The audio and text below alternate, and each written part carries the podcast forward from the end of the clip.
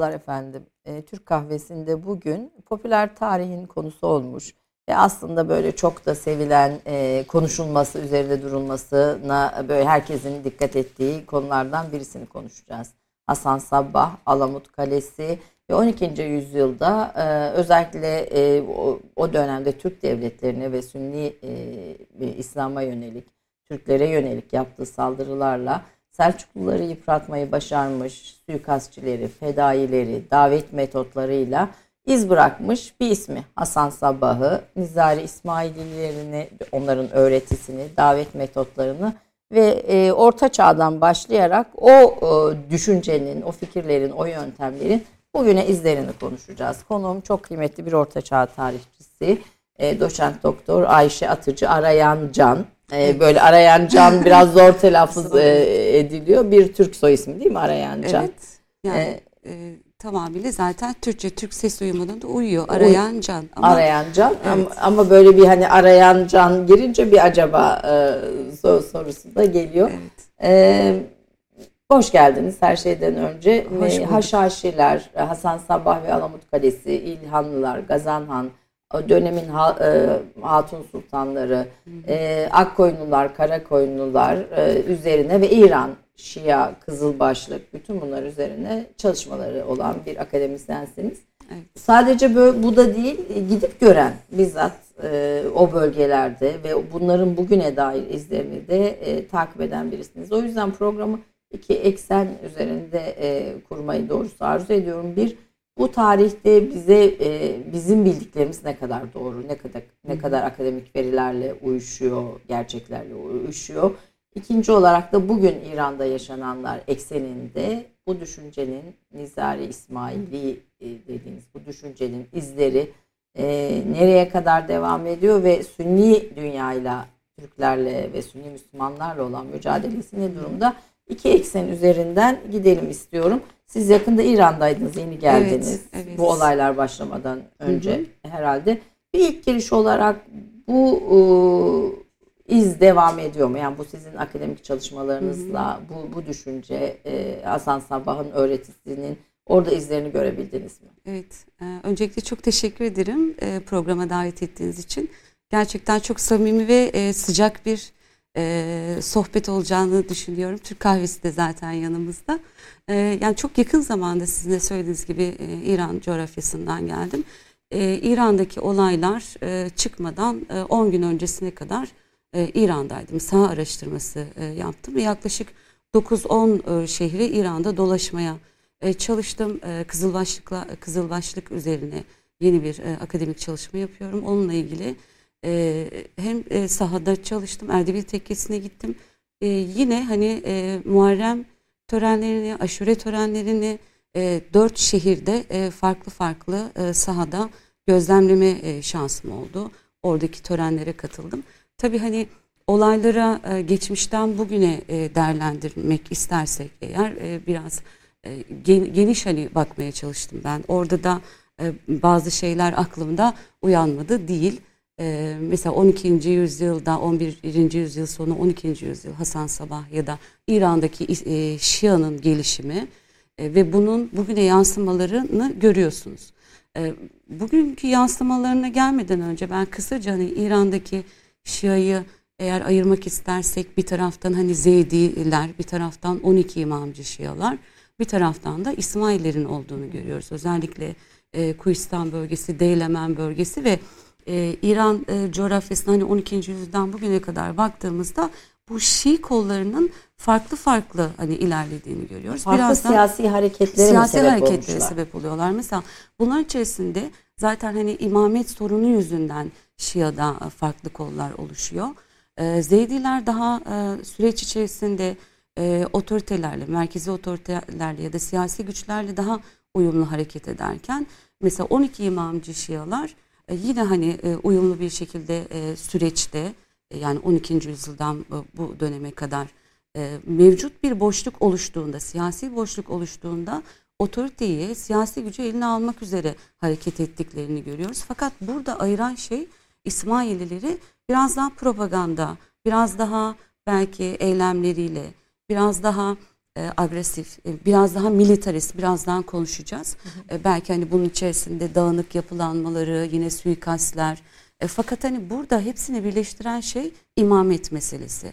Bugün de e, geldiğimizde hani İran'da bir takım olaylar o, oluyor. Hani basından da izliyoruz. İşte yaşam, e, kadın, özgürlük sloganları üzerinden aslında e, belki basın ya da İran'da ya da Batı'nın verdiği demokrasi, kavramı demokrasi kavramları üzerinden yapılıyor ama hani ben genel olarak oradayken yaptığım gözlemlerde özellikle Kerbela olaylarını, e, Muharrem ayı olaylarını incelediğimde e, e, belki çok ilginç ilk defa da hani e, bir tespit yapmaya çalışacağım. E, 12. yüzyılda Hasan Sabah'ın yaptığı bir, e, bir e, şey var. Yani onun devamını aslında bir davet Nedir? metodu bir davet var. metodu var aslında. Nedir bu? Mesela Kerbela olaylarında hani 40 e, gün boyunca e, insanlar sokaklara e, dökülüyor. Ben Hoy, Sareyn ve Erdebil onların hani e, merkezidir ve yine Tebriz merkez olmak üzere dört şehirde bu heyetleri e, takip etme şansım oldu. Akşam 10'da sokağa çıkıyorlar. Her caminin kendi e, heyet takımı var ve e, bir e, kortej yapılıyor ve e, Hüseyin ya Hüseyin diyerek Ebu Feyz diyerek ve Hüseyin odaklı ya yani merkezde e, Hüseyin ya Hazreti Hüseyin'in e, yaşadığı o Kerbela olaylarındaki aslında e, hüzün, yaz e, tamamıyla orada ritüel bir şekilde gösteriliyor. Bazen heyetlerde tabii bazen, bazen işte, seremonik törenlerle kesinlikle heyetlerde önce evet. o Kerbela olaylarına hazırlık var. Sonrasında e, e, e, aşure e, denilen günde mesela o Kerbela olayında yapılan e, savaşın canlandırılması var. var. Mesela Saray'ında muazzam bir gösteri izledim. Mesela camilerde bu gösteriler yapılıyor. E, bunun için e, oyuncular, kostümler yani hem e, ekonomik olarak bir canlılık var ama bir taraftan da o yaz rejimi, kültürü yaz kültürü yaşatılıyor ve rejim şunu yapmaya çalışıyor bugünkü İran rejimi. Tamamıyla İran toplumuna e, bunu empoze etmeye çalışıyor.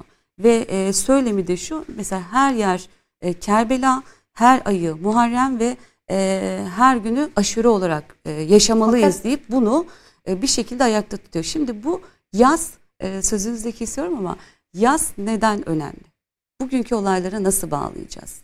E, şehit olma bir taraftan Hazreti Hüseyin'in şehit olması ve e, aynı şey hani e, Hasan Sabah'ın fedailerinde de var.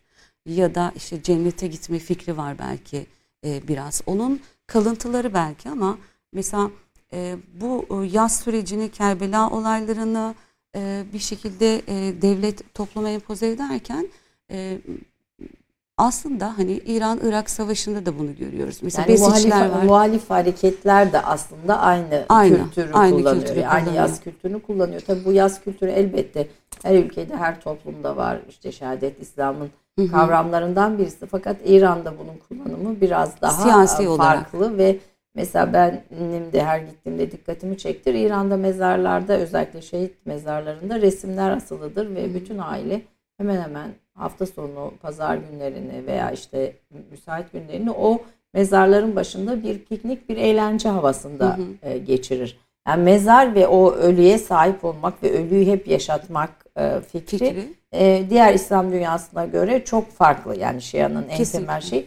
Şimdi muhalefet de aynı şekilde. Aynı şey yapıyor. Yani, Zaten 1979'da hani İslam e, devrimi olduktan sonra merkeze aslında e, Hümeyni'nin yerleştirmeye çalıştığı şey velayeti fakih fikriydi. E, ve hani zamanın imamı gelinceye kadar e, velayeti fakih olarak kendisinin e, ölünceye kadar e, o makamda olması ve e, sosyal bir adalet sağlamak e, belki hani e, hem doğu hem batı değil tüm İslam dünyasında e, İslamiyeti Şia e, merkezli toplama gayesi var. Tabii ki bir taraftan velayeti fakihten sonra e, bir, e, kendisinin vefatından sonra da rehberlik var biliyorsunuz şimdi. Evet. E, Hamani'nin e, rehberliğinde ölünceye kadar e, böyle bir hani e, sistem var ve anayasaya 1979'da e, devletin e, mezhebi İsna Şeria yani e, 12 imamcı Şiilik ve Caferilik olarak kaydediliyor ve bu yaz Kerbela, Muharrem şeyi de kültürü de ya da inancı da topluma empoze ediliyor. Tabi burada sizin de söylediğiniz gibi her yerde şehitler var. Ee, özellikle İran-Irak savaşında olanlar, besiçleri evet. mesela kullanıyorlar. Yani 18, 19, 20, 24 çok genç e, çocuklar İran-Irak savaşında gönüllü olarak, besiç olarak gittiler. Oralarda e, rejim şehit adına oldular. şehit oldular ve döndüklerinde şimdiki e, e, yönetim e, her şehrin farklı farklı şehitleri vardır. E, e, sokaklarda resimleri asılıdır ve aileler giderler oralarda yaslarını e, yaparlar. Bütün gün dediğiniz gibi evet. yaşamın içindedir o şehit olma fikri ya da ölüm. E, öyle kanıksamışlardı. Fakat bugünkü olaylara baktığımızda da aslında yası bir şekilde e, kullanıyor. Yani e, yaklaşık 40 yıldır e, hep Kerbela, yaz kültü o kadar çok topluma işlenmiş ki ama yani şu anda bugün muhaliflerde yas üzerinden yas üzerinden bir, aslında direnç. devleti ve rejime karşı direnç gösteriyor. Yani şöyle bir örnek verebilirim. E, mesela şu an e, sokakta e, gösterilerde, protestolarda e, ölenler e, ya da e, re, rejim e, içerisinde hani e, nasıl toparlayayım? E, ölenleri daha doğrusu e, hükümet şöyle bir şey yapıyor ya e, cenazeleri e, ailelere vermiyor ya da kendisi gidip gizli bir yere defnediyor. Çünkü o yasın Şimdi, yaşatılarak yaşı, bir protestoya dönüşmesini protestoya dönüşmesini istemiyor Peki, bu, diye bu, buradan bağlayabiliriz. Bunun bu evet. kü, bu, bu, bu kültürün e, güçlenmesinde Nizar İsmaililerin yeri büyük. Aslında Hasan Sabbah, Nizar İsmaili, e, onu Hasan Sabbah öncülüğünde kurulan Nizar İsmaililerinin İslam tarihindeki yerini yatsımamak lazım diyorsunuz e, uzun bir süre İslam ve Türk tarihinde çalkantılı bir dönemin başrolünü oynadılar. Amaçlarını gerçekleştirmekte başarısız olsalar da mevcut düzeni yıpratma, siyasi, dini, sosyal bakımdan tehdit etme noktasında hem çok karanlık, çok uzun hem de çok popüler bir propagandanın da e, bir parçası oldular. Birbirlerine olan bağlılıkları, tutkunlukları, planlı ve düzenli geliştirdikleri şiddet yanlısı tavırlarıyla kendilerinden önce ve sonra eşi benzeri görülmemiş bir teşkilat yapısı içinde davalarını yürüttüler. Hı. Şimdi Hasan Sabah ismiyle sembolleşen Nizar İsmail Hareketi konuşacağız ama Hasan Sabah kimdir diyerek önce bir e, başlayalım. Evet. Nasıl bir karakter? Onun hakkındaki efsanelerin yanlış olanları neler? Evet sizin de bahsettiğiniz gibi aslında e, Orta Çağ'da e, yaptıkları propaganda eylemiyle, e, yaptığı e, e, yine e, hem fikirsel hem de siyasi yaptığı eylemlerle aslında o günde çok konuşulan bir karakter. Bugün de hala Hasan Sabah'ın o gün yaptığı propagandalar ve etkilerini konuşuyoruz. Peki Hasan Sabah kimdir? Hasan Sabah aslında e, Kum'da e, dünyaya geliyor. E, Arap e, Himyar kabilesinden ve e, henüz 7 yaşında e, din adamı olmak istiyor. Bunu babasına da söylüyor din adamı olmak istediğini.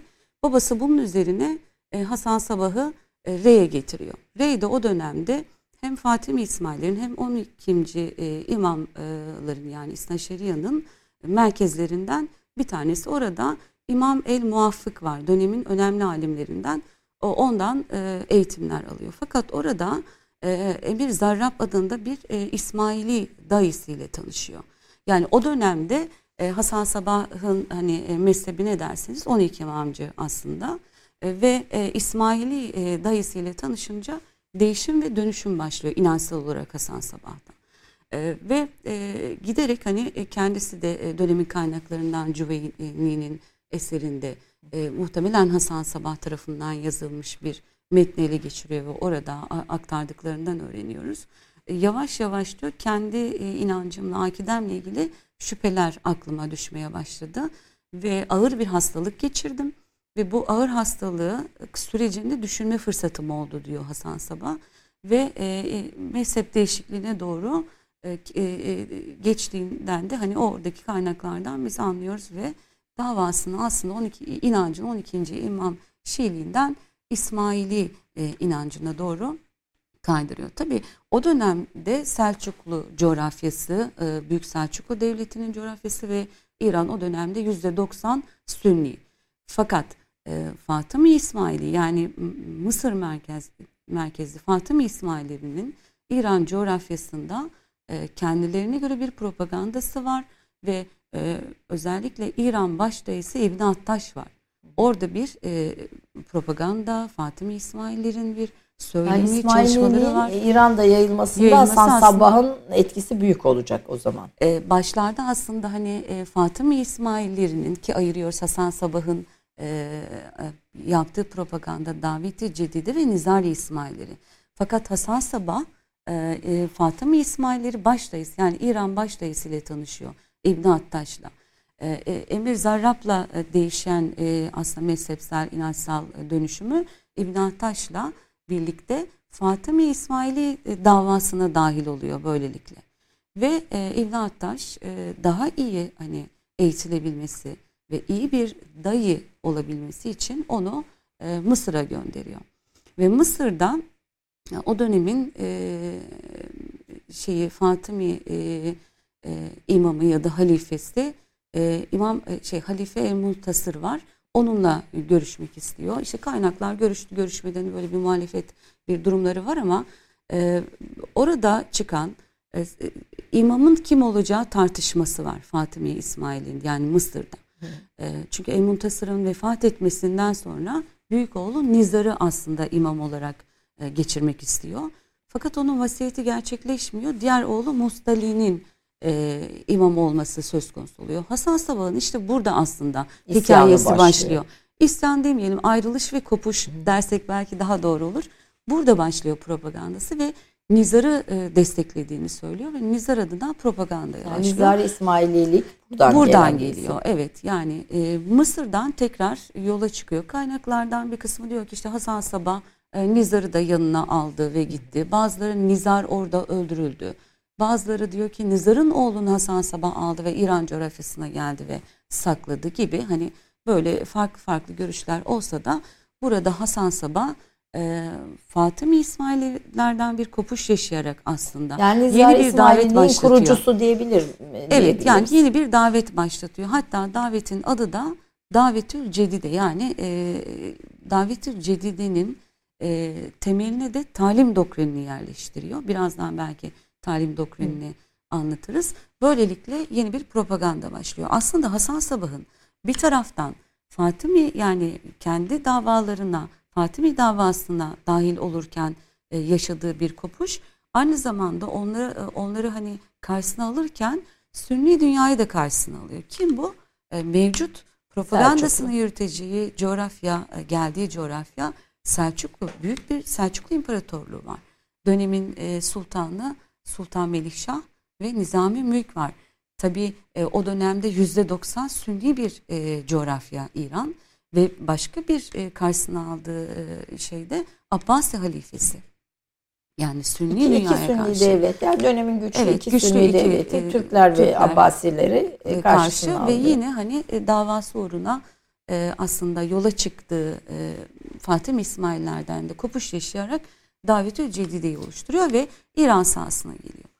E, İran sahasında e, Hasan Sabah'ın seçtiği coğrafya az önce de e, programın başında da bahsettiğim Deyla Leman bölgesi, Kuistan bölgesi aslında Büve yollarında yine kurulduğu Zeydi, e, e, Zeydilerin e, Şia'nın bir olan yine 12 imamcıların olduğu Şia'nın e, Şia halkın farklı mezheplerin yoğun olduğu, yine sosyoekonomik durumu biraz zayıf, dini akidesi belki yeni İslam'a geçmiş, yeni mezhebi kabul etmiş e, kişileri hedefine yani şey seçiyor. şey diyorsunuz ve, cahil, fakir ve mevcut yönetimden mutsuz halkın olmayan. dini inançlarını e, kullanarak başlatılmış ve sonrasında da bu durum siyasallaştır bu durumu evet, siyasallaştırarak militarist bir harekete dönüştürmüştür diyorsunuz. Evet.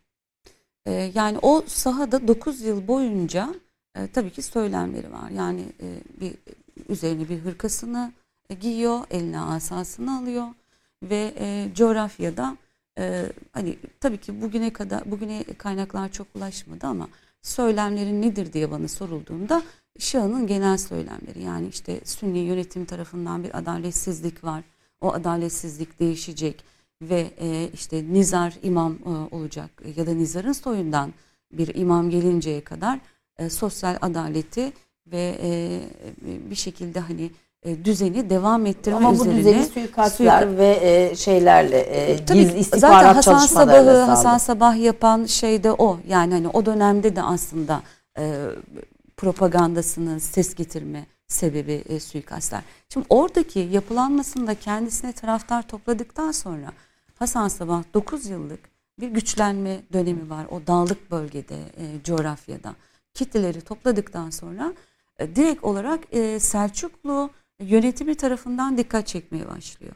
Yani tehlikeli görülüyor. görülüyor. Çünkü merkezi otoriteyi ve Selçuklu yönetimini evet e, o yüzden de Nizami Mülk başta e, e, en büyük vezirlerden Nizami Mülk'ün takibine alınıyor. Hasan Sabah İsfahan'a geliyor. O dönemde e, Selçukların başkenti İsfahan gizli yollardan ve e, bir arkadaşının yanına sığınıyor. Orada birkaç gün kalıyor ve diyor ki yanıma 3-5 kişiyi alabilsem e, mevcut düzeni e, yıkacağım ve değiştireceğim diyor. İnanın e, kaynakta okuduğum kadarıyla arkadaşı bile Hasan Sabah'ın kararlılığına e, inanmıyor. E, nasıl değiştirecek diyor ve dima kuvvetlendirici bir şerbet hazırlıyor. Hani içsin de aklı başına gelsin Hasan Sabah'ın diye. Fakat Hasan Sabah arkadaşının kendisine inanmadığını görünce e, oradan ayrılıyor ve e, artık propagandasının hani fikirsel ve eylemsel e, sürecini tamamladıktan sonra artık bir e, mekan e, arama e, işine giriyor. Yani e, yavaş yavaş çünkü Nizari e, soyundan gelen bir imam beklenecek fakat Nizari İsmaili devleti de kurma e, gayesi var aslında bir taraftan. O yüzden e, yani e, tabii ki araştırmacılar işte bazıları devlet diyor, bazıları tarikat diyor, teşkilat bazıları teşkilat diyor, diyor bazıları oluşum ve ben o oluşum diyen bazılarından biri benim. Çünkü bir oluşum var ortada diye düşünüyorum. Hani devlet neden ol, olmadı onları da belki konuşuruz. E, fakat hani mekan e, kısmına e, geliyor. Yani bir devletin kurulabilmesi için zaten bir e, lider gerekiyor. E, bir ideoloji gerekiyor. Lider mekan ve ideoloji var. Mekan olarak da Alamut Kalesi'ni Kalesini seçiyor. E, sadece Alamut değil, e, Selçuklu coğrafyasında yani İran coğrafyasında e, irili ufaklı e, 100-102 belki e, kaleyi e, savaşmadan yani bildiğimiz Orta Çağ e, savaşları yapılmadan çünkü bir ordusu yok Hasan Sabah'ın farklı yollardan kaleleri ele geçiriyor ya da yüksek tepeleri kaleler inşa ettiriyor. Ee, yine bu propagandasını Suriye bölgesine de e, götürüyor. Tabi Alamut Kalesi'ni e, kendisi daha girmeden önce e, kendi adamlarına e, gönderiyor Alamut Kalesi'ne. Ve biraz Ve da hileyle alıyor. Biraz da evet kadarıyla. oradan e, zekasıyla aslında alıyor. E, Selçuklu Kutuvalı var, e, kale komutanı var. E, sonrasında Seyyiduna olarak kendisi kalenin içerisine yine gizli yollardan giriyor ve kale komutanına e, diyor ki bir inek derisi getiriyor ve şerit halinde kesiyor. Bu e, şeridin kapladığı alan kadar bana e, bu kaledeki e, kaleyi bana satacaksın diyor. Ve ona bir senet veriyor. 3000 dinarlık. Kale, ve diyor ki bu seneti al Girtkuh Kalesi'ne git. Şimdi Girtkuh Kalesi de e, yine e, Alamut Kalesi'ne yakın bir yerde e, ve Selçuklu Kalesi olarak biliniyor. Oradaki e, Muzafferettin, e, kale komutanı Muzafferettin diyor sana bunun parasını verecek diyor. Alamut Kalesi'nin komutanı çok şaşırıyor. Çünkü Selçuklu Kalesi ve Selçuklu komutanı. Ee, biraz da aslında Alamut Kalesi e, Kutuvalı korkuyor da. Yani etrafı Hasan Sabah'ın evet, adamları adamları. tarafından sarılmış. E, ve e, o seneti alıyor ve Girtkuh Kalesi'ne gidiyor. Gerçekten Girtkuh Kalesi e, komutanı Muzafferettin ona o ücreti ödüyor. Ve o günden sonra Girtkuh Kalesi e, komutanı da İsmaili olduğunu söylüyor. Yani o zamana kadar bakın Selçuklu e, komutanı iken Selçuklu adına kaleyi yönetirken Selçuklu'dan aldığı gelirlerle kaleyi onartıyor. Kaledeki bütün e, hazırlıkları tamamladıktan sonra. Zaten şey söylüyorsunuz hocam. Şey yani bu konuda yaptığınız yazdığınız kitapta Hasan Sabah ve Alamut Kalesi ve diğerlerinde de e, Selçuklu'yu yıpratmalarının en büyük sebebi istihbarat, gizlice kesinlikle, adam devşirme. Kesinlikle. Yani e, aslında Sünni gibi görünüp ama Nizar takiye İsmailiye takiye uygulayarak Nizar İsmaili olan olan bir sürü devlet yönetimi, vezir, alim, kadı, ondan sonra komutan la birlikte içeriden Selçuklu'yu böylece yıpratıyor ve 74 tane de önemli suikasti var. Hasan Tabii. Sabah ve e, ekibinin. Yani yöntem olarak şimdi bir reklam arasından sonra davet metodunun bu propaganda tekniğinin e, özelliklerini konuşacağız ama zaten temel mantıkları e, içeriden kaleyi fethetmek. Kesinlikle. Yani hani böyle bir savaşarak değil. Yani biz suikast kısmını daha e, biliyoruz. İşte orada da hançer kullanıyorlar. Hı hı. Suikastlerde filan Türklere karşı kullandıkları hı hı. yöntemler farklı filan.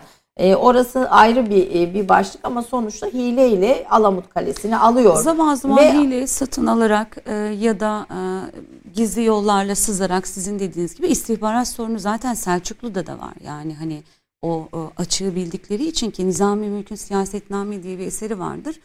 Yaklaşık 13-14 madde istihbaratla ilgilidir. Evet. Yani bütün ve, devletlerin yani evet, herhalde en, en ilk çağdan onu çok iyi kullanmıştır ee, yani Hasan Şimdi Melikşah döneminde, Sultan Berk Yaruk döneminde, Sultan Muhammed Tapar döneminde Selçuklularda yaşanan iktidar mücadeleleri ve karışıklıkları güçlendiriyor Hasan Sabah. Kesinlikle. Ee, bu dönem için 90 yaşına kadar da yaşamış. Yaşıyor, Okudum evet. çok il, ilginç geldi. Bu arada suikastleri var. Mesela Fahrettin Razi meselesi önemli. Onu Hı-hı. bir sizden dinlemek isterim. E, Selahattin Eyyubi ile şeyi var dönemin Orta Çağ'ın o dönemin e, e, Hasan Sabah tabii ki değil daha sonraki halefleri döneminde ama o Suriye bölgesinde Hasan Sabah'tan yola çıkarak e, Suriye İsmailleri yani Reşidüddin Sinan'ın aslında var. E, bir kolu olarak Selahattin bir, Eyyubi ile evet, Selahattin olan Eyyubi o daha sonraki dönemde. Evet. E, buradan biraz batini hareketleri o dönemin içinde ve bu bu batini hareketlerin dönem siyasetine etkisini konuşalım. Hasan Sabah Alamut Kalesi'ne devam ederek. E, kısa bir reklam arasından sonra e, bu ilginç konuya devam ediyoruz efendim. Doçent Doktor Ayşe Atıcı Arayancan 1978 yılında Adana'da doğdu. Lisans öğrenimini Ankara Üniversitesi Doğu Dilleri Bölümü Fars Dili ve Edebiyatı Anabilim dalında tamamladı. Yüksek lisansını Ankara Üniversitesi Sosyal Bilimler Enstitüsü Tarih Bölümü, Genel Türk Tarihi Anabilim dalında Büyük Selçuklu İmparatorluğunda Batıni Hareketleri, Hasan Sabbah'la ilk halefleri ve İran Nizari İsmailileri başlıklı teziyle yaptı. Ankara Üniversitesi Sosyal Bilimler Enstitüsü Tarih Bölümü Orta Çağ Anabilim dalında Karakoyunlu hükümdarlarından Cihanşah ve dönemi 1438-1467 başlıklı çalışmasıyla doktorasını tamamladı. 2003-2006 yılları arasında Türk Tarih Kurumu'nda Türkiye'nin sosyal ve kültürel tarihini araştırma projesinde 2006-2007 yılları arasında yurt dışındaki tarihi Türk eserlerinin tespiti projesinde çalıştı. Azerbaycan Milli İlimler Akademisi Şark Masası bölümünde misafir öğretim görevlisi olarak Karakoyunlular üzerine, akabinde İran'da Karakoyunlu Türkmenleri ve İsmaililer üzerine çalışmalar yaptı. İran'da Tahran Üniversitesi'nde araştırmalarını sürdürdü. Aynı dönemde Türkmen Sahra bölgesinde Türkmen kültürü ve tarihi üzerine araştırmalarda bulundu. 2010-2012 yılları arasında TRT'de çeşitli programlarda metin yazarlığı yaptı. 2012-2018 yılları arasında Hitit Üniversitesi'nde Tarih Bölümü Orta Çağ Anabilim Dalı'nda öğretim üyesi olarak çalıştı. 2018'den bu yana Osmaniye Korkut Ata Üniversitesi Tarih Bölümünde öğretim üyesi olarak görev yapmaktadır. Doçent Doktor Ayşe Atıcı Arayancan'ın 2011 yılında Dağın Efendisi Hasan Sabbah ve Alamut, 2018 yılında Haşhaşiler, Efsane ve Gerçekler, 2022 yılında İşgalden İhtidaya Giden Yolda Gazan Han adlı kitapları yayımlandı. Orta Çağda Din ve Devlet Doğu Batı ekseninde kitabının editörlüğünü yaptı. Hala Nizari İsmailileri, Karakoyunlu Akkoyunlu Türkmenleri, İran'da Şii hareketler, tarikatlar ve Kızılbaşlık alanında çalışmalarına devam etmektedir. Kıymetli çalışmalarıyla Ayşe Hanım bugün Türk kahvesinde konumuz. Son resimde gördüğünüz iki çocuk sizin çocuğunuz evet. herhalde. Onlar da geliyorlar mı? Bu Alamut Kalesi'ne gittiniz Gittik, yakınlarda. Evet, birlikte son İran e, araştırmalarımda yanımdaydılar. E, Alamut Kalesi'ne kadar çıktık. E, Onlar da sizinle birlikte. Tabii. Çıkış çok zor deniyor Zor, Alamut Kalesi'ne. evet. Yani- Na- Nasıl e, gördüğünüzdeki intibanız ne oldu tarih araştırmalarının dışında? Çok heyecanlandım. Şimdi uzun süre e, tabii ki Alamut Kalesi, Hasan Sabah'ı e, okudum. Defalarca İran'a gitmeme rağmen e, Alamut Kalesi'ne çıkamamıştım. Hep bir aksilik e, oluştu. E, bu sefer oğullarımla çıktım. E, yani 6 saat Tahran'dan e, Gazvin yakınlarında e, Alamut. E, 6 saat bir yolculuk. Sonrasında e, şey e, Alamut denilen geniş bir aslında alan Rudbar Vadisi'nin hemen e, yakınında. E, nasıl çıkacağımızı tabii ki planladık. Yani bir saat, bir buçuk saat sürdü. E, fotoğraflarda da görünüyor. Evet. Çok e, kayalık. Elbrus e, sıra dağlarının en yüksek doruğunda. Hemen e, yanından buz gibi Talekan Nehri'nin e, Sular suları akıyor. Orada elimi yüzümü de yıkadım. Çocuklarla indikten sonra tabii böyle bir serinleme ihtiyacı duyuyorsunuz. Çünkü Ağustos ayında gittim. Yine e, serin de aslında ama e, yollar çok zor. Yani kazı çalışmaları yapılıyor şu an Alamut Kalesi'nde. E, şey e, kazı müdürüyle hani sohbet etme ve e, çalışma imkanım oldu. Ne zaman bitecek bu kazı diyorum. Daha bir 100 yıl daha sürer Bir diyor. Çünkü bir, bir tarih. e, oraya yani malzemeleri taşıyamıyorlar. Eşekle, atla e, malzemeler taşınıyor. Çıkması 35 çok yıl zor. hiç o kaleden inmeden Hasan çalışıyor Sabah, evet. Sabah. 35 yıl Yaşıyor. ya- yaşıyor yani. e, o- Hiç o- inmiyor. Hiç hiçbir e, Bir iki kere e, odasından çıktığı söyleniyor ama dünya gözüyle ben odaları odayı da gördüm gerçekten. mütevazi yani bir oda diyorsunuz. Çok mütevazi e, olduğu söyleniyor. Bir kütüphanesinin varlığı, yani Al- Alamut Kütüphanesi var zaten. 35 yıl boyunca oluşturduğu daveti e, cedide yani yeni davasını, propagandasını olgunlaştırmak için çalışmalar yapıyor. Mutasavvıf bir tarafı olduğu söyleniyor.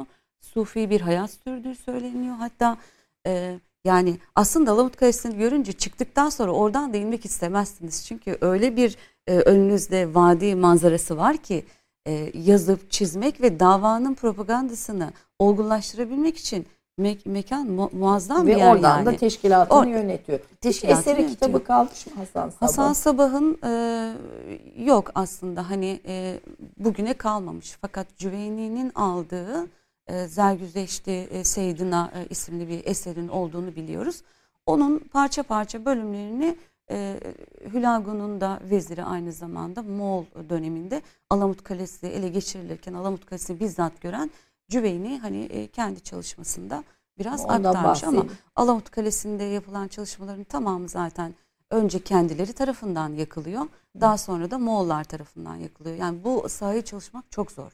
Çok az kaynak Çünkü çok az için. kaynak var. Evet elimizde. Ee, şimdi haşhaşiler e, deniyor. Haşhaşi lafı e, kaynaklarda geçmiyor diyorsunuz. Kim kullanıyor? İşte Marco Polo ile zaten hani ilk kullanılıyor diyorsunuz ama biraz onu biraz da oryantalizmin bir şeyi e, Evet. kavramı olarak biraz onu konuşalım.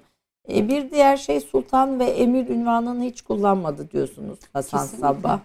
Dağın sahibi efendisi diyor kendisine. Seyyiduna Efendimiz diyorlar kendi kaynaklarında evet. E, teşkilatçı, sistemli hareket ediyor, keskin zeka ve ihtilalci bir kişilik, edebiyatçı, e, takvaya önem veren zahit birisiydi Kesinlikle, e, evet. diyorsunuz. Al- Alamut Kalesi'nde birçok bilim adamını himaye etti ve propagandasında onlardan destek aldı e, diyorsunuz. Şimdi bu bu özelliklerle suikastçiler, fedailik ve diğer özelliklerin buluşmasını doğrusu merak ediyorum. Ölüme atlayan fedailer, suikastler bu özelliklerle birlikte nerede buluşuyor? Ee, Buyurun. Önce Aslında, haşhaşilerden evet, e, başlayalım. Haşhaşi ismi aslında e, popüler kültürde çok fazla kullanılan bir isim. Yani hani dikkat ederseniz ben sürekli Nizari İsmailleri adlandırmasını kullanıyorum. Çünkü adlandırma problemi var.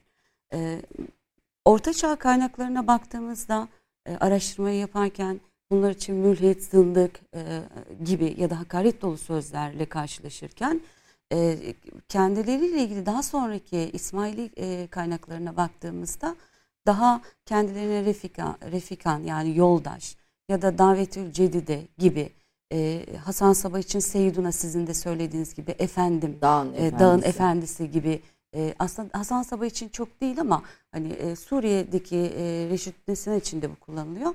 Fakat Haşhaşiler hani nereden e, çıktı? Ne zaman kullanılmaya İlk olarak başladı? aslında İhvanü Sefa denilen Fatimi e, İsmaili kaynağı var. Orada bir Haşhaşi, haşhaş kelimesi e, geçiyor. Yine Selçuklu kaynağında bir yerde geçiyor. E, yine e, Haçlı Lümpen var, Arnold Lümpen. Onun e, dağın şeyhi olarak anlattığı e, yerde yine haşhaşiler var. E, Marco Polo'da cennet bahçesi ve hani içecek ya da haşhaş kullandıklarına dair e, bir takım şeyler var. Tabii daha sonrasında batılı tarihçiler, günümüz batılı tarihçiler başta Hammer olmak üzere onun aslında inşa ettiği bir anlatım tarzı var. Yani e, İslam dünyasının tabii ki oryantalist bir bakış açısı var aslında ve İslam dünyasını kötülemeye de çalışıyorlar. Her ne kadar Hasan Sabah'ın, İsmail'lerin yaptığı hani şiddetli olsa, suikast olsa, e, biraz gulat, aşırı şiaya doğru kaysalar da İslam dünyasının bir parçası. Sonuçta Orta Çağ dediğiniz şey İslamiyet ve Hristiyanlığın iki din savaşının oluştuğu, İslamiyet'in de kendi içerisinde Sünniliğin ve Şiiliğin ve yine mezhep kavgalarının aslında olduğu bir süreç e, genel olarak baktığınızda. Dolayısıyla Batı'nın gözüyle oryantalist yazarların haşhaşi, suikastçı e, e, gibi hani tanımlamaları maalesef bugün de Türkiye'deki çalışmalara yansımış. Yani, yani haşhaşi tanımı aslında çok sonradan çok Hamur'la sonradan başlayan. Hamur'la başlayan e, belki birkaç Haçlı kroniğinden alınan işte asasin, haşhaşin, suikastçı e, ya da dağda yaşayan anlamı var mesela. Nereden dağlık geliyor? Niye haşhaşi diyorlar? E, suikastçı asasin kelimesinden aslında e, türüyor. Ya da Arapçada işte asasin ya da e, dağda yaşayanlar gibi oralardan türetilerek Batı'nın bir şekilde hani İslam dünyasına yani Bernard Lewis'in mesela bir eseri var. E, Haşhaşiler son baskılarda bir terör örgütü Haşhaşiler olarak mesela basılıyor. E, bu bu şekilde bir algı da var aslında hani e, yorumlamada. Dolayısıyla bizim hani Türkiye'deki çalışmalarda bu işte cennet bahçesi var. Hayır yok yani bu bir efsane. Ben cennet bahçesiyle ilgili Marco Polo'nun anlattığı e, şeylerden başka ki çok güvenmiyoruz biz Marco Polo'ya tarihçiler olarak ki Alamut Kalesi yıkıldıktan yıllar sonra bölgeden geçiyor ve e, bir Hristiyan algısıyla o coğrafyada duyduklarını belki biraz abartarak anlatıyor. Bunun dışında hani e, haşhaş kullanımı ile ilgili ben ne onların kendi kaynaklarında ne de Orta Çağ kaynaklarında haşhaş kullandıklarına dair hiçbir şey ya Ama rastlamadım. tabii fedaileri İnanmışlık, nasıl kendine İnanmışlık, Ayşe Hanım inanmışlık var, adanmışlık var.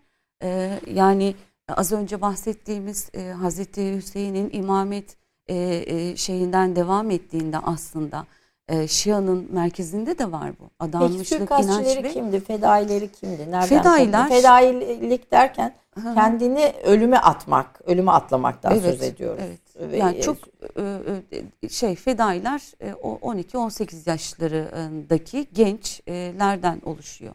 Adanmış gençler olarak.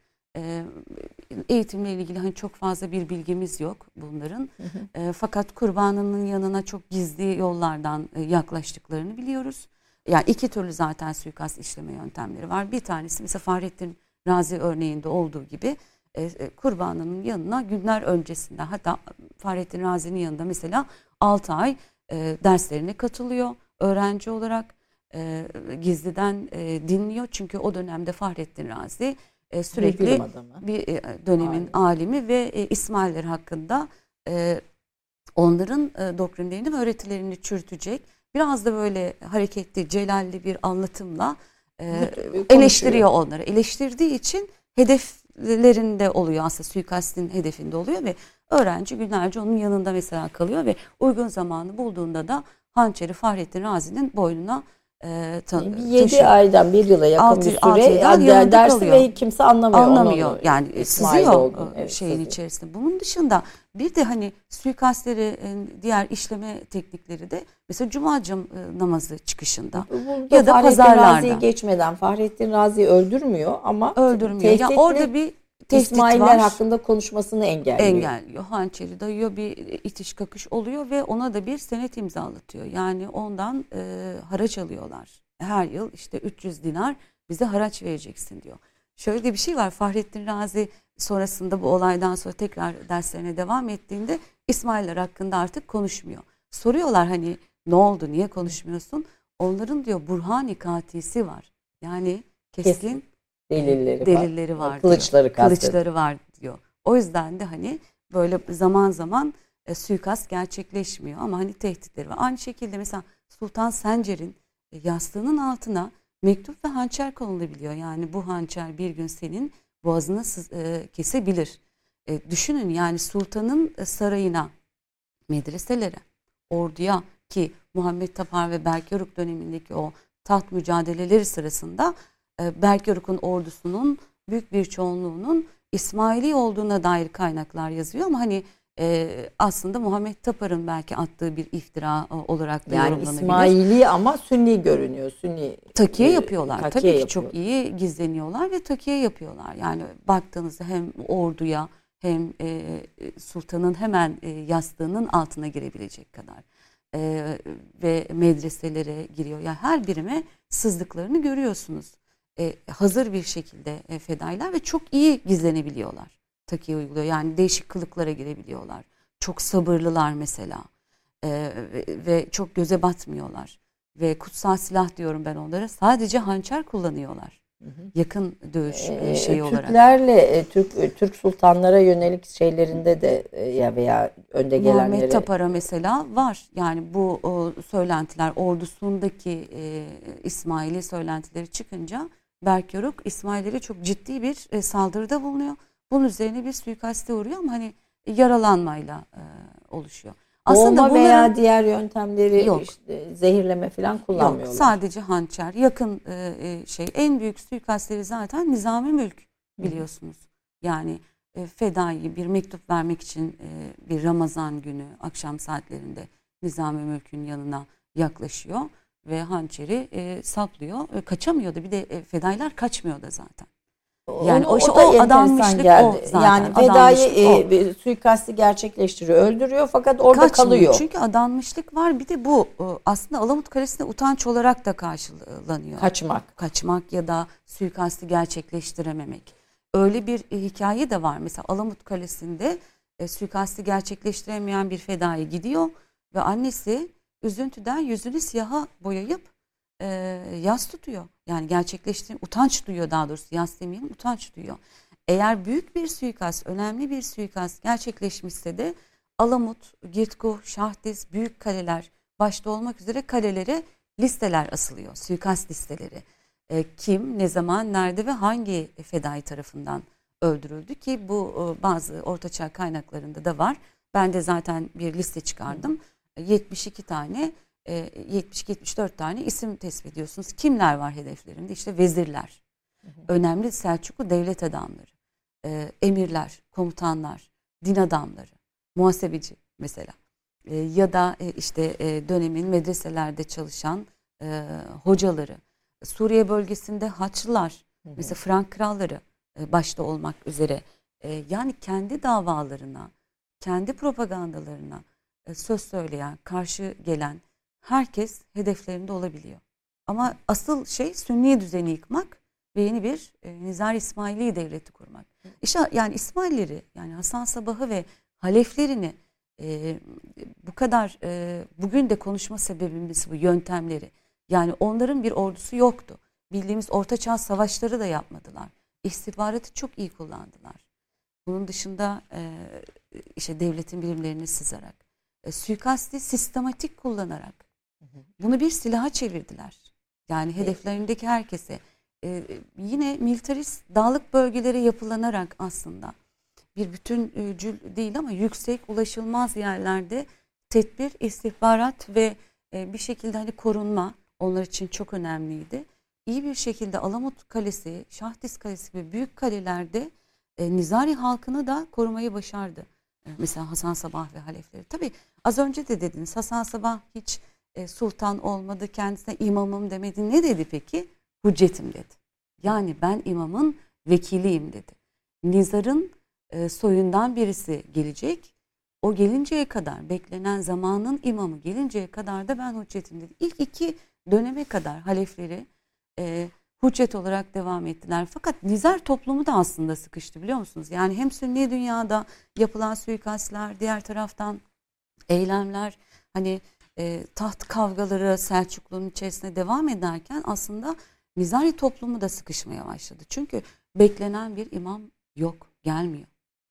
Ve e, meşruiyetlerini de onaylatabilmek için bu sefer kıyamet ilanı e, ortaya atıldı yani ve kıyameti getirmek, kıyameti çabuklaştırmak. Çabuklaştırmak ve e, ikinci Hasan Alamut Efendisi yani Hasan Sabah'tan sonraki üçüncü e, Alamut Efendisi ikinci Hasan kıyameti ilan ediyorum dedi ve böylelikle e, aslında şer'i kuralları, şer'i hükümleri e, artık yapılmaya gerek olmadığını söyleyip bir minber kurdurarak Arapça konuşarak ki İsmailler yani Nizar İsmail'lerin dili Farsçadır, yazım dili de Farsçadır. Soyunu Nizar'a bağladı. Böylelikle meşruiyetini Nizari toplumu üzerinden onaylattı. Fakat bu kıyametin ilanı ne Nizar top, Nizari İsmaili toplumu tarafından kabul gördü, ne de Sünni dünya tarafından kabul gördü, ne de diğer e, Şia kolları tarafından ve tamamıyla dışlandılar. E, dışlanınca e, hatta e, 2. Hasan e, kendi içlerinde e, kıyamet ilanından dolayı suikaste e, kurban gitti ve kıyamet ilanı kabul etmeyen İsmailler tarafından e, öldürülüyor mesela. E, ve böylece biraz da tarihin içine gömülen bir Gömülen bir teşkilat. teşkilat. Ama ama yöntemleri, davet metotları e, u- uygulandı. E, Bir şekilde bölgede etkisini sürdürmeye. Sürdürdü evet. Yani E, Selçuklu Devleti'ni tabii ki yıkamadılar fakat çok ciddi bir şekilde yıprattılar. Yani e, son döneme Ama kadar. diyorsunuz ki yani sultanın ordusunun yarısının e, nizari olduğu söyleniyor bazı Söyleniyor, kaynaklarda. bazı Gizli kaynaklar. taki. Tabii diye. şöyle korku dünyası da aslında bir taraftan oluşturuldu. Yani bakıyor saraydaki hizmetçisi, ordunun içerisindeki belki askerleri, medresedeki hatta e, devlet adamları yani Berkeruk ve Muhammed Tapar döneminde o suikastlardan dolayı kıyafet e, yani zırhlar giyiyorlar. Düşünün artık birbirlerinden bile şüphe edecek noktaya geliyorlar ve korumalarla sultanın huzuruna çıkabiliyorlar. Yani devlet adamları da e, o suikastlerin oluşturduğu korku ve o devletin içerisine sızmadan artık bir güven kalmıyor. Şöyle düşünün Muhammed Tapar'ın veziri Derguzini var. Direkt İsmaili yani Alamut Kalesi 7 yıl e, kuşatılıyor şey 7 ay kuşatılıyor ve Derguzini saraydan Alamut Kalesi'ne yardım gönderiyor. Hatta Muhammed Tapar'a da zehirli neşter olayı diye ben kitabımda da anlattım. E, bir dolaylı yollardan suikast e, gerçekleştirmeye çalışıyorlar mesela Muhammed Tapar'a. Yani düşünün en yakındaki vezir bile İsmaili olmuş İsmaili artık ve çıkıyor. e, istihbarat bu kadar Fakat zayıflamış. tabii büyük bir başarı. Yani büyük bir etkileyici güç. O dönemin propaganda yöntemlerini, istihbarat yöntemlerini kullandığınız düşündüğünüzde yani insanların beynini yıkamanın, insanları etkilemenin bir şey de olsa gerek. Yani böyle bir e, sırrı bir e, o dönem için Tabii.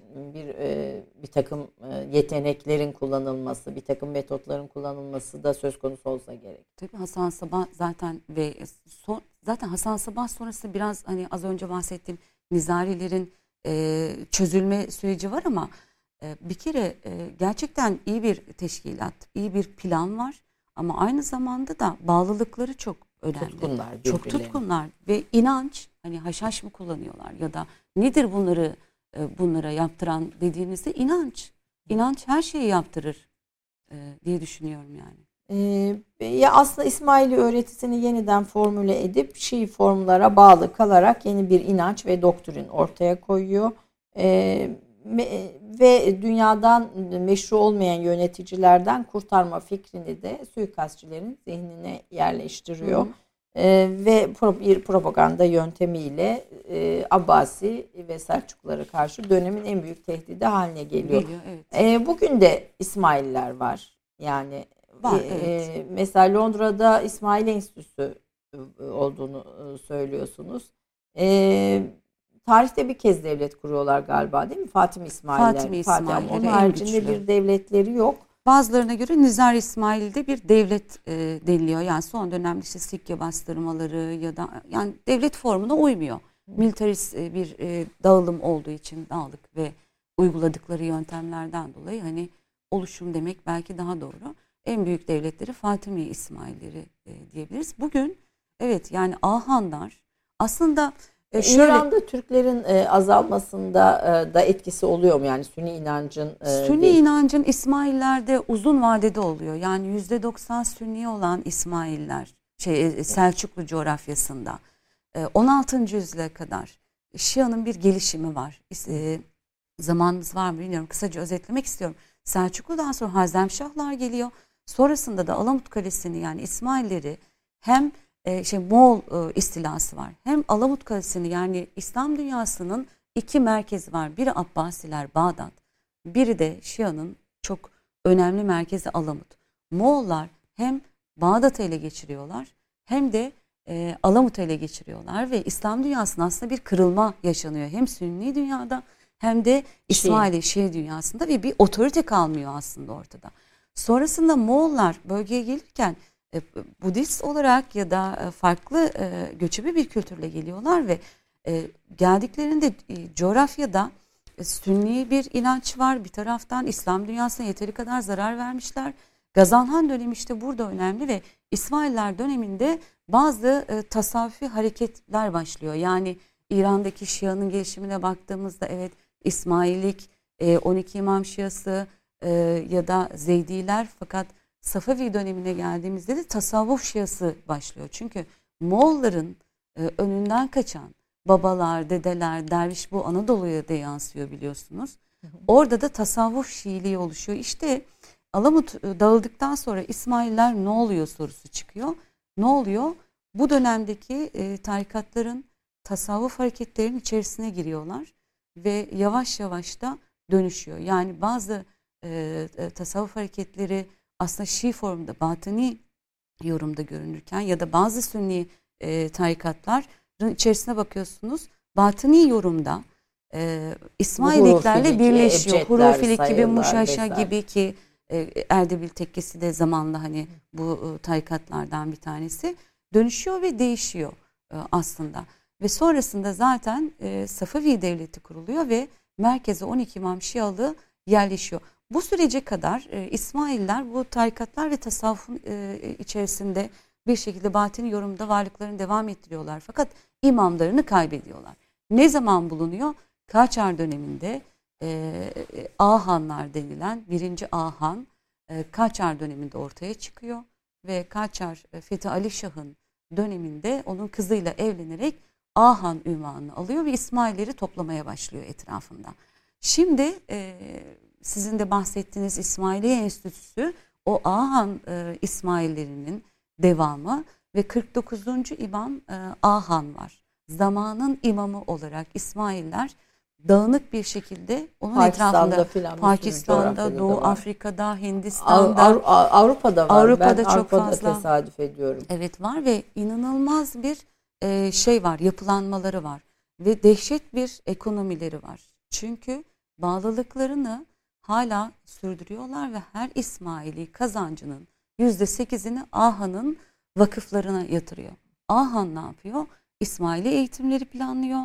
E, propagandalarına devam ettiriyorlar. İsmaili televizyonları, İsmaili TV gibi televizyonlar kuruluyor. E, e, İsmaili Enstitüsü gibi Londra'da enstitüler kuruluyor. Ahan üniversiteleri var.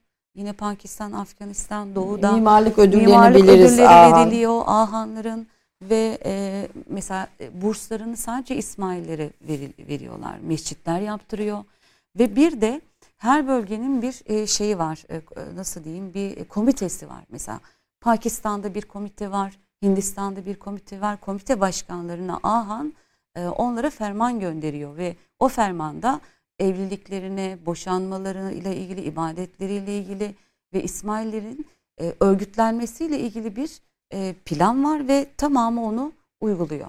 Ama evet. dehşet bir şeyleri var, ekonomileri var. E, bugün, Dünyanın e, Almanya'da e, mesela bence en önemli e, Müslüman gruplar arasında yerlerini aldılar. Evet, 10. Alman büyük, hükümetiyle de ortak e, çalışmaları var benim gördüğüm yer Alman, yer.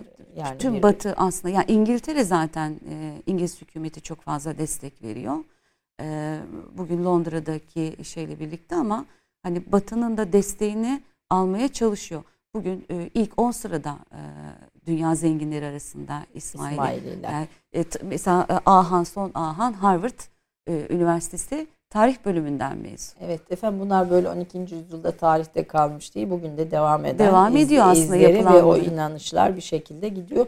E, mültecilerle ilgili çalışırken benim dikkatimi çekmişti. Almanya'da mülteci kamplarında İsmaili grupların e, bizzat ilgilenmesine yani Sünni e, Müslüman sivil toplum kuruluşlarının ilgilenmesinden ziyade İsmaili grupların ilgilenmesine daha çok destek ve izin veriliyordu. Bir, bugün evet. bir tür İslam dünyasının yönetme politikasının bir kısmında da onların olduğunu söyleyebiliriz. Ee, Selçuklu Sultanı Sultan Sencer e, Nizari İsmailleri tanıyor. Sizin kitabınızda aldığım bir not bu. E, ona bu e, yastığın altında hançerli e, mektuptan sonra bir tür e, onların durumlarını, güvenliğini e, yani bir tür aralarında Hasan çok özür diliyorum. Hasan çok Sabbah'la sağ olun bir anlaşma olduğunu da herhalde söyleyebiliriz. Evet. Tek e, tek uzlaşmayı orada görüyoruz gördüğüm kadarıyla. Aslında şey var yani hani o zamana kadar e, otonom bir yapısı var e, İsmail'lerin ve hani bir devlet olarak çok da dikkate alınmıyor. Defalarca Alamut Kalesi, Şahdes Kalesi mesela kuşatılıyor, alınmaya çalışılıyor. Sencer döneminde yapılan o anlaşmayla resmi olarak aslında e, Alamut merkezi İsmailleri tanıdıklarını söylüyorlar. Bu yapılan anlaşmada e, karşılıklı e, işte suikastlar artık yapılmayacak. Onlar da kaleleri kuşatmayacak ve hani huzur ortamı sağlanması üzerine 40 yıllık e, yaklaşık 40 yıla yakında e, böyle bir e, ortam, ortam sağlanıyor. Devam ediyor. Aslında evet. Ee, tabii ölüm Hasan Sabah ne kadar önemli tarih açıdan onu bilmiyorum. Hani çok da fazla şey yok bildiğim kadarıyla. Ee, çok doğal yollardan do 90 evet. yaşında yatağında ölmeden önce Kıyabozorg Ümit Ver yakın arkadaşı onu davet ediyor. Davamıza sahip çık imam gelinceye kadar diyor. Onlar da zaten hüccet olarak ilk iki halifi devam ettiriyor. Tabi yani Nizarların aslında Nizar İsmail'lerin hem Sünni dünyaya karşı verdiği bir mücadele hem diğer Şii e, kollarına karşı verdiği bir mücadele hem de kendi içlerinde e, Alamut efendilerinin e, ya da nizar topluma karşı e, uyguladıkları bazı e, otorite zaaflar oluyor. Mesela çocuk yaşında imam e, Alamut efendisi oluyor Hı. son dönemlerde. Çocuk olsun küçük olsun imam imamdır deyip biat ediyorlar ama otoriteleri kendilerinde sarsılıyor. Yani, bu, bu tarz hatalar e, var. E, Mesela bitmesine Setr dönemi denilen bir dönem var. Setr dönemi sünnileşme e, uyguladıkları, takiye yaptıkları bir dönem. E, niçin? Çünkü o kıyametin ilanının yapıldığı dönemde tamamıyla dış dünyadan e, reddediliyor ve içe kapanıyorlar.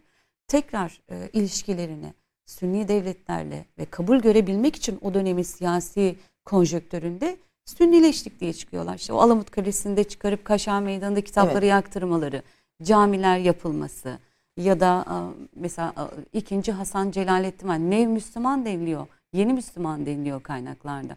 Annesini alıyor, hacca gidiyor. E, niçin? Aslında o dönemin e, siyasi e, sürecinde konjektür varlığını koruyabilmek için. için. Evet. Ee, öldürdükleri Selçuklu vezirlerinde Nizamül Mülk'ün oğlu da var imiş. Hı hı, ee, evet. Notlarını almış Nizamül Mülk'le. Ee, Abbasi halifesi e, Müsterşit de yine Müsterşit, onlar tarafından evet. e, öldürülmüş. Dönemde iz bırakmış ama zamanla tarihin içinde kaybolmuş. Ama bir şekilde batini düşünce, urfilik, çeşitli hareketlerin, tarikatların içinde bölge coğrafyasında etkinliğini sürdürüyor. Şimdi biraz bir ara verelim. Ondan sonra Gazanhan bir diğer çalışmanız. Çok kısa Akkoyunlu, Karakoyunlular ve o dönemin Sultan Kadın Hatun anlayışına da böyle çok kısa bir değinelim diğer çalışmalarınızda. Hı hı. Ee, kısa bir reklam arasından sonra e, o dönemin 12. yüzyılın e, aslında batini hareketlerinin ve diğer önemli e, Türkmen devletlerinin ve e, önemli isimlerin izini biraz daha konuşalım istiyoruz. Buradayız efendim. Efendim Türk Kahvesi'nin son bölümünde her şeyi biraz hızlandırıyorum her zamanki gibi. Konum Ayşe Atıcı Arayan Can, bir ortaçağ tarihçisi. Aslında dönemdeki batini inançların izinde giden birisi. Şimdi de Kızıl Başlık üzerine çalışıyorsunuz sanırım evet, hocam. Evet yani çok yakın zamanda e, Kızıl Başlık'ın ta, e, tersel arka planı aslında Safevi öncesini e, çalışmaya e, yani 4 yıldır çalışıyorum. Yani şimdi Şia diyoruz, Alevilik diyoruz, Kızılbaşlık diyoruz. Bunların hepsi farklı tarihsel dönemleri içeren kavramsallaştırmalar veya tanımlamalar. Kızılbaşlığı burada e, nasıl tanımlarsınız? Ya Kızılbaşlık e, tamamıyla e, aslında bir inanç sistemi yani e, Türkmen, Türkmenlerin, Türklerin oluşturduğu inanç sistemi. Fakat e, Şah İsmail'den sonra e, de, yine devlet politikası olarak 12 İmamcı e, Şiiliğin devletin ideolojisine yerleştirerek değişen ve dönüşen bir süreci var. Fakat Kızılbaşlık benim e, çalıştığım dönem daha çok Karakoyunlu ve Akkoyunlu e, Türkmenlerinin aslında inanç süreci. Yani e, benim ve İlgar Hoca var bu konuda çalışan. Biz bu süreci ön Kızılbaşlık diyoruz. Yani biraz e, Horasan'dan, biraz e, İran coğrafyasında baştan beri bahsettiğimiz o Şia'nın gelişimi, biraz işte Gazanhan döneminde ve sonrasında yani İlhanlı döneminde tasavvuf e, Şialı, tasavvuf Şiiliği diye bir akımın e, çıkması ve orada ortaya çıkan Gulat aşırı Şii hareketlerin homojen bir karışımı yani senkretik bir, bir Türkmen Alevi. Türkmen Alevi tabii ki inanç sistemi yani hani Şia diyemeyiz biz aslında Kızılbaşlığa. Fakat bağdaştırıcı bir e, şey var. E, bağdaştırıcı bir inanç ya da senkretik bir inanç diyebiliriz. Çünkü eski geleneklerimiz, eski inancımız da var bunun içerisinde. Fakat şaman e, şeyleri evet, var. ritüellerimiz semahtır, odur budur. Yine babaların e, hani gelmesi e, Anadolu'ya biraz ve İran'a biraz tasavvuf var. Biraz e, Şia'nın batıni yorumu var aslında. Zaten tasavvufun içerisinde de batıni yorum vardır. E, dolayısıyla bu böyle bir karışık ve senkretik bir inanç. E, tabii ki e, Şeyh Cüneyt e, dönemini ben hani daha çok çalışmaya başladım. E, Anadolu'da kalanlar Kızılbaşlığı hala devam ettirirken e, İran'da kalanlar Şeyh İsmail ve sonrasında e, tamamıyla 12 imamcı oluyorlar. Çünkü çok sert bir şekilde 12 imamcılığı yerleştirebilmek için e, Şeyh İsmail ve e, sonrasındakiler dönemdeki çok özür dilerim tasavvuf hareketlerini, Sünni tasavvuf e, hareketleri, şey Sünni tarikatları, diğer Şii grupların tamamını hatta Kızılbaşları bile e, tasfiye ediyorlar devletin içerisinden. Dolayısıyla hani oradaki e, e, oluşan e, süreç e, Lübnan'dan, e, Mısır'dan gelen e, Şii ulemaların oluşturduğu yeni bir e, devlet e, ideolojisi aslında orada oluşuyor. Fakat Anadolu'da kalanlar bizim e, Alevilik dediğimiz, Kızılbaşlık dediğimiz şey Ama inanç sistemi olarak ayırıyoruz devam ediyor. Ayırmalıyız kesinlikle yani. Şey hayır, Alevilik ve Kızılbaşlığı ayıramayız. Yani onun devam ettiği bir e, noktada. E, ben ön Kızılbaşlık dönemi çalışıyorum. Yani sorum şu aslında çalışırken. Yani şunun için ayırmalı mıyız diye soruyorum. Mesela işte Sivas Aleviler için Kızılbaş denir ama atıyorum Tunceli veya başka bölge Aleviler için Alevilik kullanılır. Kızılbaşlık kullanılmaz. Hani burada kendi aralarında... da kendi aralarında da tabii ki tarihsel süreçte e, adlandırma e, şeyler olabiliyor ama hani baktığımızda temelde e, tamamını biz hani Kızılbaş ve onun devamında gelen inanç sistemleri diyebiliriz. Yani adlandırmalar farklı olabilir. Akkoyun ve Karakoyunlar döneminde. Akkoyun, Karakoyun Oradaki döneminde, Türkmen, ikisi de Türkmen devleti. İkisi de Türkmen devleti. Karakoyunlu Van'da, Akkoyun Diyarbakır'da kuruluyor. Harikasınız. Buyurun. Harikasınız evet. Mesela Akkoyunlar için Sünni e, bir devlet diye tarihçiler yazarken benim yaptığım son çalışmalarda Sünni diyemezsiniz. Ön Kızılbaş. Yani Uzun Hasan döneminde ben bakıyorum yüze yakın mesela derviş var, şeyh var. Hatta Baba Abdurrahman diye birisi var. Yani e, Horasan'dan gelen Baba Abdurrahman. E, biraz delişmen, biraz meczup, sopasını Uzun Hasan'ın sofrasına fırlatabilecek kadar. Diğer taraftan bakıyorsunuz Şeyh Cüneyt, e, Uzun Hasan'ın e, yani Safevi e, Şeyh İsmail'in dedesi Şeyh Cüneyt, e, Uzun Hasan'ın kız kardeşiyle evleniyor. E, ve e, bir e, e, sünni diyemezsiniz mesela inanç olarak da diyemezsiniz. Çok özür dilerim. Hızlı hmm. belki programı yetiştirelim diye. E, dolayısıyla hani Karakoyunlar içinde hani e, Şii'dir deniliyor. Fakat e, onlara da yani direkt Şii diyemezsiniz. Tamamıyla ön Kızılbaş. Bu İlhanlı dönemindeki o e, tarikatların yapılanma mesela Hurufilere karşı Karakoyunların şeyi var. Merkezi otoriteye sarstığı için saldırıları var. Bakarsanız Muşaşalar mesela o dönemde Gulat aşırı Şia dediğimiz bir e, tarikat Huveyze bölgesinde ortaya çıkıyor. Onlara karşı yine saldırıları var fakat diğer taraftan da bakıyorsunuz sikkelerin üzerinde e, dört halifenin ismi var ya da hani e, çok karışık bir süreç yani Sünnilikle Şiiliğin aslında ayıramadığımız bir dönem. Hatta caminin de bir şiiri vardır onu okuyayım süremiz kaldı mı bilmiyorum. E, o kadar karışıktır ki tasavvuf bir taraftan tarikat, Sünnilik, Şiilik e, der ki ne e, yanlış hatırlamıyorsam ne sünni eşeğim ne şi köpeğim batıniyim batıni der. Yani batınilik e, o kadar e, girift Bütün olmuştur ki hareketlerin için. hareketlerin içine Sadece girmiştir o da ki. değil tabii bölgede Sadece o da değil tabii bölgede e, Nusayrilik e, var. İşte e, Mezopotamya'daki diğer e, Gnostik inançlar belki diyebiliriz. E, dinler tarihçileri Sabiliğin ve yeni Eflatuncu felsefenin de etkilerini o, o bölge içinde yine bu dini yorumlarda görüyorlar. E, burada e, Nusayriler, Dürziler konuşuyoruz. İşte Dürziler de Lübnan'da bir e, Beyrut'ta bir yakınlarında bir dağda onların da bütün işte ibadet yerleri, merkezleri filan. E, bunların arasında temel farklar ne? Nusayriler, Dürziler, işte Kızılbaşlar, Aleviler yani biz bunları dinler ve anlamaya çalışırken etnik mi bakacağız? E, mesela Türkmen Kızılbaş ve Aleviler için Türkmen e, evet. Şiası diyebiliriz Hı-hı. kısmen. Evet. Yani kısmen diyebiliriz. Yani Şia e, inancı diyelim. İnancı, Türkmen inancı demek belki Türkmen daha doğru inancı olur. diyebiliriz ama Dürziler ve Nusayriler olduğunda başka bir şey. Burada temel fark bakarken nereden bakacağız? Aslında hani e, e aslında Şiiliğin ya da e, inançların e, etnik olarak e, toplumların e, inancı nasıl daha doğrusu Şia'yı nasıl aldıkları ya da İslam'ı nasıl algıladıkları noktasında aslında bakmamız gerekiyor. Biliyorsunuz Nusayriler kendileri Nusayri de demiyorlar. Biz Arap Alevilisiyiz diyorlar. Kızılbaşlar zaten hani e, Türk e, ya da hani farklı e, Kürt Kızılbaşlar da var mesela. E, e, ya da Aleviler var mesela. O, onlar hepsi araştırıldığımızda e, dediğim gibi yani batıni yorumda aslında birleşiyorlar hepsi. E, şey döneminde de mesela İsmailler döneminde Suriye bölgesinde İsmaililer İran kadar Suriye bölgesinde çok rahat yerleşemediler. Önce Halep sonra Cemali Sunmak denilen bir bölgede üç aşamada yerleşmeye çalıştılar ve çok başarılı olamadılar. Neden? Çünkü o bölgede Nusayriler de var. o bölgede Dürziler de vardı ve o bölgede e, Türk e, işte Memlüklerden tutun Eyyubilere Türk hakimiyeti de vardı.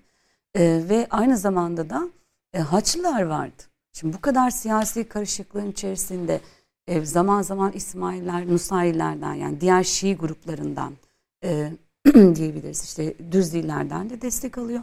Zaman zaman bölgede de çatışıyor. Çünkü kendi bölgesel alanını ve varlığını devam ettirmek istiyor.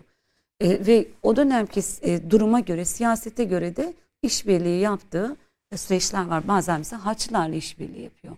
E, Memlükler ve Eyyubiler döneminde de Haçlılara karşı Sünnilerle yaptıkları bir politika var. E, yani ama inanç e, boyutunda e, evet e, geçmişten gelen inançların bağdaştırarak Nusayriler ayrı, Türkmenler ayrı e, almıştır diyebiliriz. Yorumlamaları farklı. Zaten Kur'an'ı tevil etme, yorumlama burada aslında işin içerisine giriyor. Yani bir batın anlamı, bir de zahir anlamı var deniyor. Burada, burada ayrılık var. Nusaylilerde ruh göçü biraz daha kullanılıyor. Velayet rehberi evet. diğerlerinde hepsinde aslında bu tür ölüm, ahiret, e, üzerine kavramları e, değişiyor. Akkoyun ve Karakoyunlular e, üzerine çalışmalarınızı okurken en en büyük e, etkilerinin bölgede e, Türkçenin yerleşmesi evet. üzerine olduğunu söylüyorsunuz. Çok kısa ona da değinelim isterim. E, tabii yani tarihte böyle Karakoyunlar, Akkoyunlar çok önemsenmez. Fakat hem e, Doğu Anadolu bölgesinin, Yakın Doğu'nun, İran'ın, Güney Azerbaycan'ın Türkleş sesim hızlı yetiştirelim evet. diye e, e, İran ve Güney Azerbaycan bölgesinin Türkleşmesine çok etkinler. Mesela Kur'an'ı Türkçe'ye çeviriyorlar. Saray dili Türkçe konuşuluyor. Türkçe eserler yazılmasında ısrarcılar. E, dönemin hani edebi dili Farsça olmasına rağmen. Mesela Karakoyunlu Sultan Cihanşah'ın divanı var. Yani hem Türkçe divanı var hem de Farsça divanı var. E, hatta oğlu Pir Budağ'ın da hani e, şiirleri var. Hatta taht kavgaları sırasında birbirlerine mektuplar yolluyorlar. Mektupta da e, mesela Pir Budak babası şiir yazıyor. Yani şiirin içerisinde sen artık yaşlandın tahttan inmen gerekiyor benim oturmam gerekiyor deyip edebi bir şiirle babası Türkçe yazdı, Farsça yazdı. Edebiyatın Türkçenin edebiyatın, ve edebiyatın evet, Türkçe edebiyatın evet, e, kullanıldığını, kullanıldığını görüyoruz. görüyoruz. Yani Kur'an'ın Türkçe'ye ilk çevirisi diyebilir miyiz? E, daha önce de var. var. Selçuklu döneminde de var ama hani Kara Yusuf döneminde e, Kur'an çevirtiliyor. Yine e, Akkoyunlu Uzun Hasan döneminde de e, çevirtiliyor. E, ve e, Türk bir de Türkmenlerin bölgeye yerleştirilmesi var. Yani Türkçenin dışında. O, o konuda da aslında oradaki coğrafyadaki evet, Türk yani E, İki göç var zaten. E, üç göç var. Hatta bir Selçuklu ile gelen, Moğollarla gelen ve de Karakoyunlarla e, Türkmen aşiretlerinin o coğrafyaya yerleşmesi ve iskanı vardır yani. E, o yüzden o şu an o, o bölge e, Önemli. Türk'tür. Evet. Peki Gazan Han bir diğer kitabınız işgalden ihtidaya giden yolda e, diyorsunuz. E, bir Budist iken e, Müslüman olan bir e, hükümdar Gazan Han. Önemi evet. nedir İlhanlılar, e, İlhanlı hükümdarı bizim tarihimiz açısından? Aslında e, evet yani İslamiyet'i kabul etmesi açısından e, Gazan Han önemli. E, bir taraftan da hani İlhanlılar sizin de söylediğiniz gibi İran coğrafyasına e, hatta Anadolu'ya da e, gelip nüfus edip kurmaya çalıştıkları bir devlet var. Fakat zemine baktığınızda Farslar var. Zemine baktığınızda az önce Akkoyunlu Karakoyunluların devamı olduğu için İlhanlılar şey e, İlhanlılar onun üzerine kuruluyor Akkoyunlu Karakoyunlar. Selçuklu Türkmenleri var coğrafyada. E, e, Araplar bir taraftan da hani yüzde 91 İslamiyet, Sünni bir İslam var. Bunun içerisinde siz Budistlerinizle ya da işte eski e, inancınızla gelmiş, yerleşmiş ve bir e, devlet kurmaya çalışıyorsunuz. Çok zordu tabii ki. Ve e, Gazanhan'ın etrafını saran İslam alimleri de ideoloji olarak İslam'ı ve Sünni'yi ya da Şii hangisini hani seçeceği konusunda mesela Gazanhan'ın kafası karışıyor. Ve İslam'ı benimserse eğer kalıcı olabileceğini aslında ona empoze ediyorlar. Ve Gazanhan da İslamiyet'i kabul ediyor. Fakat burada tabii hani meclisler düzenliyor, divan toplantıları falan yapıyor, alimleri çağırıyor. Hani sünnilik mi, şia mı, hangisi? E, ve e, şialık e, üzerinde hani ağırlık e, da kalıyor. Fakat bu dönem tabii ki karışık. Yani Gazan Han sonrasında mesela Olcay Tuhan var. E, Budist, bakın bir e, İlhanlı hükümdarı. Ardından e, Hristiyanlığı benimsiyor. Düşünün ardından Sünniliği yani Müslüman oluyor ve sonra Sünniliği bırakıp e, Şialığı kabul ediyor. Yani bir e, İlhanlı hükümdarının aslında hani göçebe kültürle gelip İslam'ı anlaması, din karmaşıklığı düşünün yani bu süreçte yönetimin kafasındaki bu hangi ideolojiyi, hangi e, kafalar karışık değil. toplum zeminde e, İslamiyet'i benimsemiş ve yöneticiler ona uymak zorunda kalıyor. İşte Gazan Han e, o yüzden de başlığımız o. Yani istiladan e, işgalden, işgalden ihtidaya, giden, ihtidaya giden yolda e, bir hizmet var ve o e, İslamiyet'in devamını aslında bir taraftan da sağlıyor. E, bu Bunu arada... sadece tabii ki yaptığı reformlarla, yaptığı işte e, camilerle, yani İslam kültürünü e, anlıyor ve yerleştirmeye çalışıyor. Kalıcı olmak için. Evet bu, bu da bu anlamda İslam'a hizmet etmiş isimlerden evet. E, birisi e, diyebiliriz. Şimdi süremiz çok az kaldı. Orta Çağ'da din ve devlet yine Doğu Batı ekseninde bu da bir e, güzel editoryal çalışma. Hı hı. Aslında din devlet ilişkilerinin belki kökenine çok eski dönemlerden beri gitmek lazım ama Orta Çağ'da e, sonrası dönemi tetiklemesi noktasında bilinmesi gereken bir konu. Çok önemli başlıklar var. Belki bir başka zamana onu e, konuşuruz. Akkoyunlu ve Karakoyunlu'da kadının devlet yönetimi ve diplomasideki önemine değinen e, çalışmalarınız var. Hatun Can Begüm ve Sara Hatun. Hı hı. Hatta Sara Hatun'un e, Uzun Hasan'ın annesi. Annesi evet. e, Fatih Sultan Mehmet'e elçi olarak gönderilmesi var. Yani Türk devletlerinde kadınları bir şeyde önde görüyoruz. Türk Çok kısa onu da dinlemek Yani istedim. bir kere Mehdi Ulya diyoruz. Yani e, sultan anneleri. Hı hı. Yani su Mehdi Ulya olana kadar aslında hani saraydaki ya da iktidardaki bazı şeyleri Osmanlı'da da görüyorsunuz. Akkoyunlu, Karakoyunlularda da var. Oğullarının tahta geçmesi. Hı hı. Fakat burada Saray Hatun'un özelliği diplomat yani e, kaynaklarda Sara da Hatun. Ha, Sara Hatun, Hatun, Saray Hatun, Sari Hatun. Hı. Hani doğrusu Saray Hatun olarak ben e, kaynaklarda hani onu da kullanıyorum. E, hem Memlüklülere diplomat olarak gidiyor, elçi olarak hem e, Uzun Hasan tarafından Fatih Sultan Mehmet'e Trabzon seferinde yanına e, elçi olarak gidiyor. E, arayı aslında Bulmaya sağlayabilmek çalışıyor. için. Hatta sefere giderken e, uzun şey Fatih Sultan Mehmet onu yanına götürüyor. Ana diyor. Yani çok iyi karşılıyor hı hı. E, Saray Hatun'u ve e, e, sadece e, or, e, şeyde değil Venedik elçileri de mesela Saray Hatun'la ilgili çok iyi e, bahislerde bulunuyor.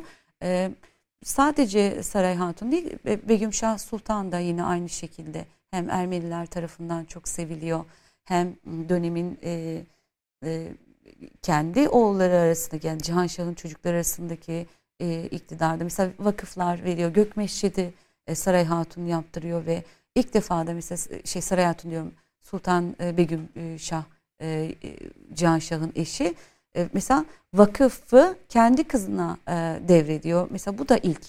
Ama hani Mehdi Ulya olduktan sonra anneler çok etkin. Akkoyun'da Selçuk Şah Begüm var. Yine o mesela kendi oğullarını zehirliyor. Düşünebiliyor musunuz? Devletin ve, bekası Tabii e, ve devletin içerisinde mesela Gülşeni tarikatı var. E, Ömer Ruşeni'ye e, e, çok e, intisap ediyor Halvetilik tarikatına. Ömer Ruşeni'yi getirip saraya ona intisap ederken mesela İbrahim Gülşeni ile son dönemlerde e, çatışmaları var. Çünkü eski Türkmen geleneğinin bazı e, ideolojilerini yerleştirmeye çalışıyor, devam ettirmeye çalışıyor. Fakat diğer taraftan da İbrahim Gülşeni ve dönemin kadıları da İslami şiri kuralları oturtmaya çalışıyor. Türkmen geleneğiyle şiri kurallar orada devlet yönetiminde çakışıyor. Mesela bunun mücadeleleri var Selçuk Şah Begüm üzerinde. E, eşi vefat ettikten sonra e, Uzun Hasan oğulları e, e, Sultan Yakup ve Yusuf Mirza arasında e, seçim yapmak zorunda kalıyor. Hatta zehirli bir e, şerbet hazırlayıp kendisi de içiyor. Oğlu da zehirlenip ölüyor. Yani kaynaklarda böyle rivayetler de var.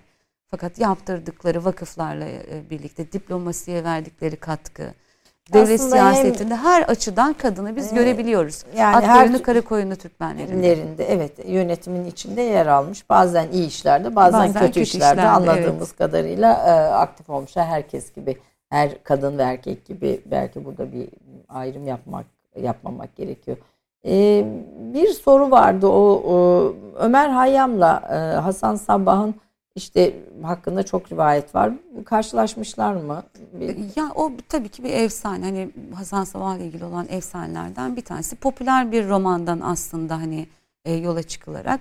Bir de bir ortaçağ kaynağında e, rivayet var. Ama hani Maluf'un romanı da me mesela yani orada ama çoğu kurgusal. Evet, çoğu kurgusal romanların.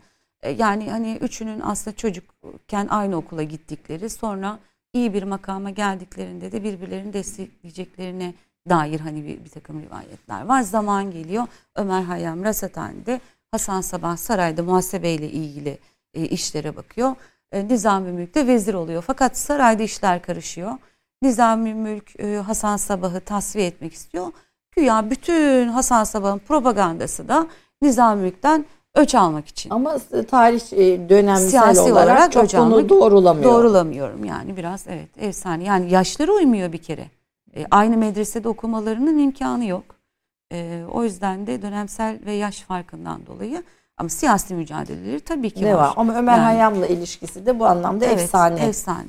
Gerçek değil. Yani. E, Alamut Kalesi'ne gittiğine dair, orada kaldığına dair şeyler ben kaynaklarda rastlamadım. Alamut yani. Kalesi'nde bu 170 yıl e, yiyeceği bozulmadan saklayan ambarlar olduğu falan söyleniyor. O Cüveyni'nin yazdığı bir efsane ama İsmaililer Hasan Sabah'ın kerametine bağlıyor bunu. Yani o kadar inanıyorlar ki 170 yıl soğuk su depo, yiyecek depolarında e, kaldığını ve Hasan Sabah'ın kerametinden dolayı diyor. Ben o depoları da gördüm. Çok küçük küçük depo hatta aşağıda mahzenlere de inme şansım oldu. E, yani e, zaten indikçe o bölge de soğuk bir bölge olduğu için korunabilir. Korunabilir. Yani hani Peki hocam şimdi olarak. Kızıl Başlık çalışıyorsunuz. O kitabınızı bekliyoruz. Evet inşallah. Yani bir, tabii orta çağ kaydın çok az olduğu, kaynakların çok da yeterli olmadığı bir döneme dair bir çalışma yapıyorsunuz ama bölgedeki Türkmen inanışları e, Şia, İran, Azerbaycan ve geniş bir coğrafyayı kapsayan bir bölgede. Ee, aslında bu çalışmalarınız çok kıymetli, çok yol gösterici. Aslında biraz coğrafyamızın özellikle inanç coğrafyamızın o şekillendiği dönem tarihi olaylar, gerçekler ve efsanelerin ayrışmasını da önemli buluyorum bu çalışmalar çerçevesinde. Ee, inşallah daha sonra diğer çalışmalarınızı dinlemek üzere inşallah. tekrar konuk ederiz efendim. Gördüğünüz gibi e, Mezopotamya ve Anadolu coğrafyası ve bölgedeki bu e, inanç akımlarının birbirleriyle olan ilişkileri, tarihe iz düşümleri bugün de devam ediyor. Bugün de bunlardan kopulmuş değil. Ama bu izdişimleri ne kadar doğru bilirsek galiba siyasi olayları da o derece doğru e, yorumlayabiliriz diyorum. Haftaya bir başka konukta görüşmek üzere. Hoşçakalın efendim.